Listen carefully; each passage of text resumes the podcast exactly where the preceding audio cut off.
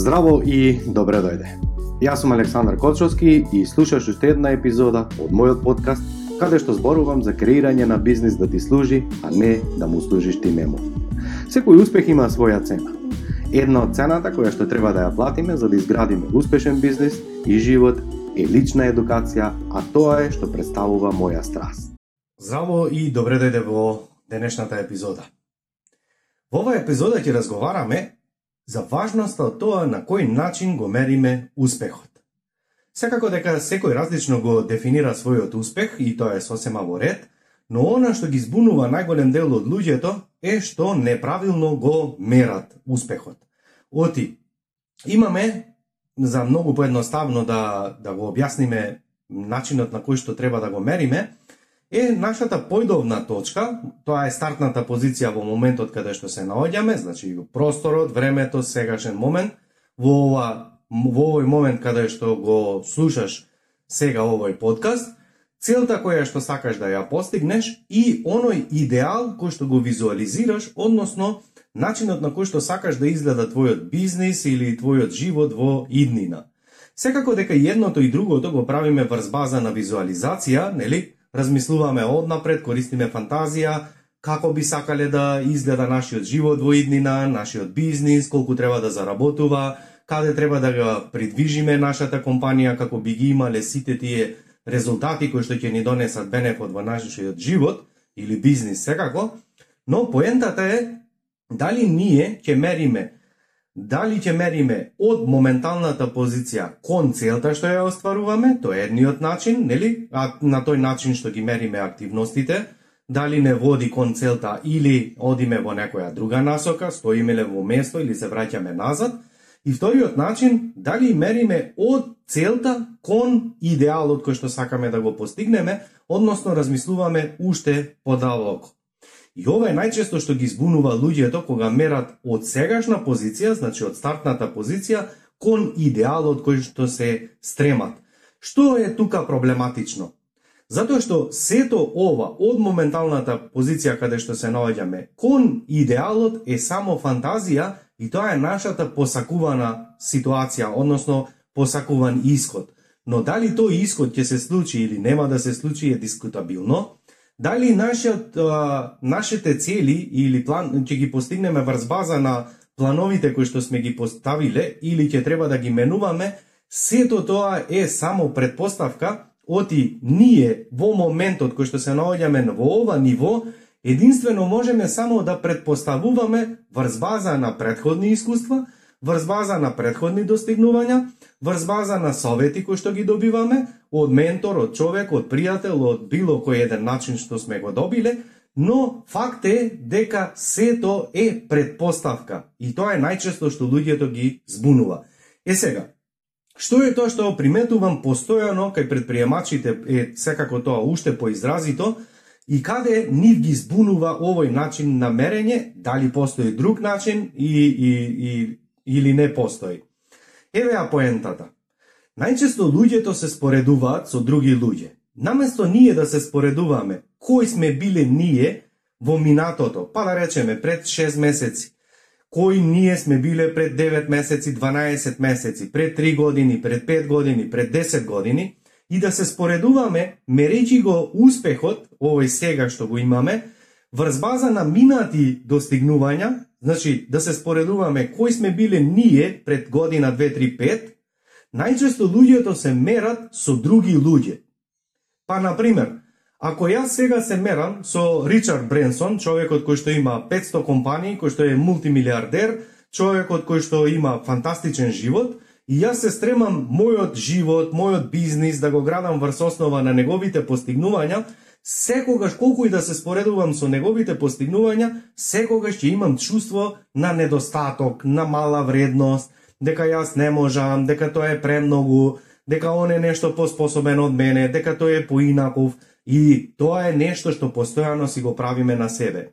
И поентата е, секогаш кога ние размислуваме во недостаток, секогаш кога се споредуваме со други луѓе, она што си правиме на себе проблем е што најчесто ја рушиме насата самодоверба и она што нашето размислување секогаш се движи во насока на јас не сум доволен, мене нешто ми недостасува, јас немам капитал, немам луѓе, немам тим, немам знаење, немам вештини и секогаш го бараме проблемот во нас. Но дали е така? Ајде сега пробај да ја направиш едната вежба, која што секогаш ја правиме со мастермајнд групите, учесниците кои што доаѓаат на мастермајнд, бидејќи ова е една од појдовните точки при поставување на цели и ја нарекуваме благодарност, а зошто благодарност? Затоа што човек кој што не е благодарен за она што сега го има, најлесно можеме да го кажеме дека нели човек кој што не е благодарен за тоа што го има, на крајот и го губи она што што го има. Од тука Благодарноста рековме дека е првиот чекор при дефинирањето на цели или кога сакаме да направиме некоја промена. Зошто е ова важно? Затоа што многу важно е кога поставуваме цели или кроеме планови, дали ние ќе влеземе во состојба или во мајндсет на благодарност на она што го имам, или ќе влеземе од страна на задоволување на некоја неостварена потреба. Односно, Кога се споредуваме со други луѓе, ние креираме цели или планови врз основа на нешто што немам и сакам да имам. Но, поентата каде што правиме грешки е, наместо да поставиме цели од страна на желба, од страна на некоја што сакаме да кажеме ете потврда да направиме поквалитетен живот, поквалитетен бизнис или да се шириме, ние најчесто правиме од некоја неостварена потреба. И сега, кога ќе ја направиме оваа вежба, а тоа е ти препорачувам и тебе да ја направиш оваа вежба, ќе видиш уствари колку ти до сега имаш направено успех. Само ако ја погледнеш минатата година, ако погледнеш каде си бил пред 3 години, пред 10 години и запишеш се, ама баш се, кои искуства си ги добил, колку заработуваш, колкав промет остваруваш, со какви клиенти работеш, со каков тип на луѓе се, си обкружен, кои се искуства си ги добил во смисла, каде беше на одмор, кои патувања направи, а, не знам, може би, не знам, во кој автомобил возиш, во кој стан или објект куќа живееш, работиш.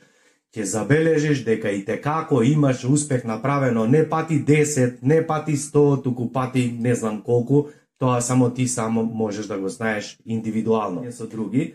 Тежнејќи и визуализирајќи го постојано идеалот кој што сакаме да го постигнеме, секогаш се наоѓаме во стрес, нервоза, вина, загриженост и не води кон депресија, а депресијата не е креативна ситуација и од тука најчесто како знаеш дали си во нервоза, стрес, вина и депресија, па многу едноставно само забележи во кој круг на луѓе се движиш, како изгледа твојот работен ден, а, со какви клиенти работиш, кои разговори постојано ги водиш, дали тоа е нема народ пари, нема луѓе, не можам да не знам да се ширам, немам капитал и оваа криза, а и Украина или не знам што, или од друга страна се наоѓаш во сегашен момент, мериш на назад, живееш во сегашен момент, што е многу важно, зошто е многу важно да живееме во сегашен момент, затоа што се што имаме и се што е реално е тоа сега, овој момент, овој час, се кога дури во овој момент кога го слушаш овој подкаст. Оти, иднината е само предпоставка и не знаеме дали ќе ја доживееме, не знаеме ни дали утре ќе се разбудиме. А, минатото немаме никаква врска, не можеме да, мину, да ги менуваме резултатите во иднина, тоа е минато веќе време, Значи, се што имаме е само овој секунд, овој момент. Е сега, доколку ние се мериме на назад, доколку живееме во сегашно време, ние веднаш се префрлуваме во ситуација, односно во мајнцет на добивка. И тоа е огромната разлика. Дали нашиот мозок, нашиот ум, нашите мисли се наоѓаат во јас, односно во геп, како што викаат англичаните, а тоа е во недостаток, и кога се споредуваме, или ние се наоѓаме во ситуација на благодарност, односно на добивка. Кога ние се наоѓаме во ситуација на добивка, тоа значи следно, дека на секое наше минато искуство гледаме само како на ресурс кој што ќе не катапултира кон уште поголемо искуство, кон со уште поголема вредност. Тоа би значило следно. Без разлика што жи, се животи се случувало во минатото. Дали може би те напуштиле вработени, дали може би некој не ти платил фактури или не знам што, дали може би ти откажале клиенти вработени, дали може би те вратила короната чекор 2, 3, 5 назад, дали може би си имал некој здравствен проблем, може би што и да е, што и да ти се случувало. Ти бираш сега од овој сегашен момент. Дали на тоа искуство ќе гледаш како на богатство, како на подарок, или ќе гледаш како да си баксус, како да се тебе ти се случува, дека се другите се поуспешни, другите немаат вакви проблеми, и ја искористиш таа прилика да научиш нешто што ќе ти што ќе те лансира кон уште подобар успех или ќе гледаш на тоа како на конечна ситуација. Значи, сега ти бираш дали ќе гледаш во минатото и ќе се споредуваш со други луѓе, дали ти ќе го мериш твојот успех врз база на други луѓе, други постигнувања, на она што го немаш остварено, или ќе мериш наназад, каде си бил вчера, лани, пред 5 години и од тоа е единственото нешто што треба да го направиш. И нема да должам многу, само ќе ти објаснам зошто уште еднаш е важно да мериме наназад. Затоа што има една многу едноставна формула за манифестирање, за креирање или како и да е. А тоа се базира на следното. Имаш некоја желба, односно ти доаѓа некоја идеја. Правилниот и единствениот начин после доаѓањето на таа идеја е да направиш краток, оптимален план, без премногу филозофирање, без премногу, не знам, а, одземање на трошење на време. Значи, само колку да е доволно да ги превземеш првите оптимални чекори со оние ресурси кои што ти се на располагање, со сите оние, а, да кажам, можности кои што ги имаш во моментот, значи луѓе, пари, опрема, капитал, што и да е, без да размислуваш, ах, кога би имал тоа, кога би имал уште толку пари би можел ова, да имав уште двајца луѓе, не знам, ќе направев тоа, па тогаш ќе, мали ми се децава, па нека пораснат, па ќе. Само сети се дека сето тоа што ги дадов овие примери, те води во ситуација на јас. Значи се дистанцираш од, од, од успехот и тражиш време и простор на потврда од други луѓе, од други услови и тоа е погрешниот начин. Наместо тоа, Само замисли како и што можеш да направиш во врска со она што сега го имаш во моментот и ќе видиш кога ќе направиш акција, кога ќе помине одреден период, ќе видиш дека апсолутно, ама баш ништо друго не ти би ти било потребно за тоа што го имаш. За жал, најголем дел од неуспешните луѓе мислат дека се нешто им недостасува, се нешто им треба, луѓе, капитал, не знам, не знам што, за да они тргнат во акција и на крајот живеат како глупчето и такалото во надеж дека се нешто ќе се промени, а за жал ништо не се променува. Значи, кога ќе добиеш идеја, кроеш краток план, онолку колку што можеш, со оние ресурси кои што можеш, и клучот превземаш акција. Оти гледај сега што е клучот. Кога ти ќе превземаш акција, она што го добиваш како резултат е само фидбек. Тоа е идентично како кога возиш автомобил, стискаш на педала за газ, и о, ти, о, инструмент таблата ти покажува колку брзина, колку со која брзина се движиш. Онаа стрелка која што ја гледаш напред или дисплеј, небитно, што ја покажува твојата брзина е само како резултат на притискање на твојата папуча за газ. Значи, ако ти си задоволен со брзината која што се движиш, ако остваруваш цели секојдневни мали победи, Тоа значи дека супер ти се активностите и ништо не треба да менуваш. Кога на инструмент таблата добиваш и некои резултати за кои што не си задоволен, значи правиш акција, гледаш дека не вродува со плод, оние активности кои што ти водат со плод, супер, продолжи и понатаму континуирано да ги работиш, а оние кои што не си задоволен, менувај ги, но само овие резултати кои што не ти носат плод. И тоа е фидбекот на начин на кој што растеме. Кога ќе направиме, кога ќе го добиеме фидбекот, правиме корекција и веднаш повторно се пуштаме во акција. Тоа е единствената формула која што успешните луѓе ја прават, а помалку успешните луѓе не ја прават затоа што генерализираат, се споредуваат со други луѓе и често наместо да рече јас имам предизвик во делот на маркетинг конкретно, на пример во да речеме, лошо пишувам наслови.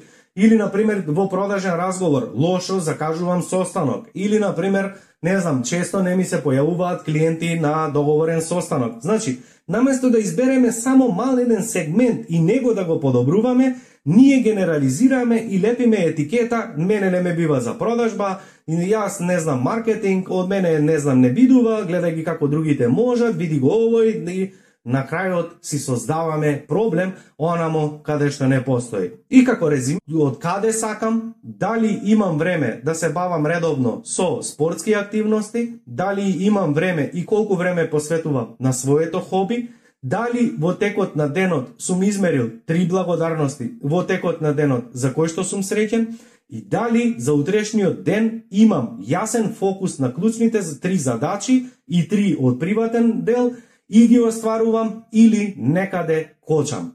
Тоа е си што дефинирам како собствен успех. Дали во моментот јас тоа го живеам и сум благодарен? Апсолутно да. Ако погледнам само пред три години, каде беше Александар во време на корона ситуацијата, токму во 2019 година, кога беше најплодната моја година од почетокот на мојата кариера, кога мислев дека веќе го достигнувам врвот на во делот на професијата и дека секоја следна година ќе биде уште подобра, 2020 година се случи корона ситуацијата и јас изгубив 6 однапред договорени консалтинг услуги. Што значи, истата 2020 година 100% секнаја моите приходи и единствените приливи кои што ги правев беа колку да го одржувам бизнисот, бидејќи и во тој период, како и сите луѓе во светот бевме, беа изненадени. Дали овој Александар е благодарен на оној минатиот Александар од пред три години? Апсолутно да, бидејќи 2019 година може би беше кариерно најуспешната моја година, но ако го погледнам мојот приватен живот, мојот приватен живот во смисла дали се чувствував среќен, дали се чувствував здрав, дали имав доволно енергија, дали посветува време на семејството, на хобито и останатите животни целини, би рекол дека би бил скроз неуспешен. Она што од тогаш сум благодарен е што и што се случи короната и затоа велам, дали на минатите искуства гледаме како на добивка или гледаме како на неуспех, сето зависи од нас како наблюдувач на тие искуства, е следно. Денес после короната сум апсолутно благодарен бидејќи работам максимум 9 до 10 часа во оператива неделно, секој дневно одам во теретана, секој викенд планина, пешачење, движење, дружење, секој дневно скоро одвојувам време за моето хоби и мојата страст, работам колку сакам, имам фантастични клиенти, заработувам и сум прекрасно, фантастично задоволен, што значи резиме на сето ова дали овој Александар е благодарен врз основа на она што го има постигнато пред 6 месеци, пред 9 месеци, пред една година, апсолутно да. Дали сум, а, не знам, се развил и дали сум подобар во однос на пред 10 години, дали сум добил подобри искуства, повеќе знаење, подобар, поквалитетен живот, апсолутно да. Е сега, доколку јас би се мерил испоредувал со, не знам, рековме Ричард Бренсон или Ден Лок или кој да е.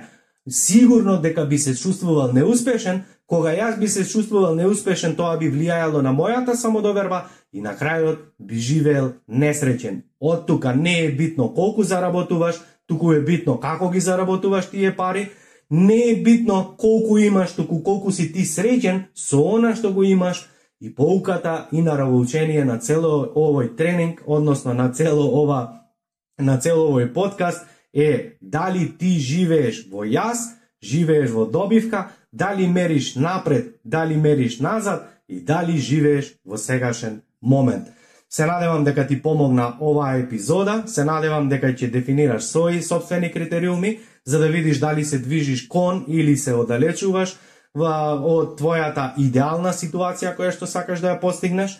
Само да те подсетам, под, ова, под оваа подкаст емисија имаш линк каде што можеш да се претплатиш на мојот ньюслетер, каде што редовно секоја недела ми испраќам на, учесни, на луѓето кои што се наоѓаат на мој ньюслетер, едукативни материјали, споделувам подкаст епизоди, видеа, и секако дека се информирани за сите идни настани како бесплатни тренинзи на Zoom, Q&A, а, митапси кои што ги имаме по хотелите во поголемите градови низ Македонија.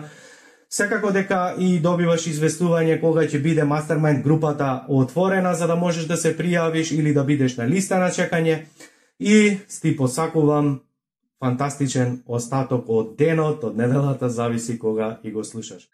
Ти благодарам што одвои време да ме слушаш на овој подкаст. Доколку сакаш да соработуваш со мене, Најдоброто место е да се информираш за актуелните понуди е www.aleksandarkočovski.com и секако немој да заборавиш да се претплатиш на мојот ньюслетер, каде што исто споделувам бесплатни информации и навремено ќе дознаеш за сите бесплатни онлайн тренинзи.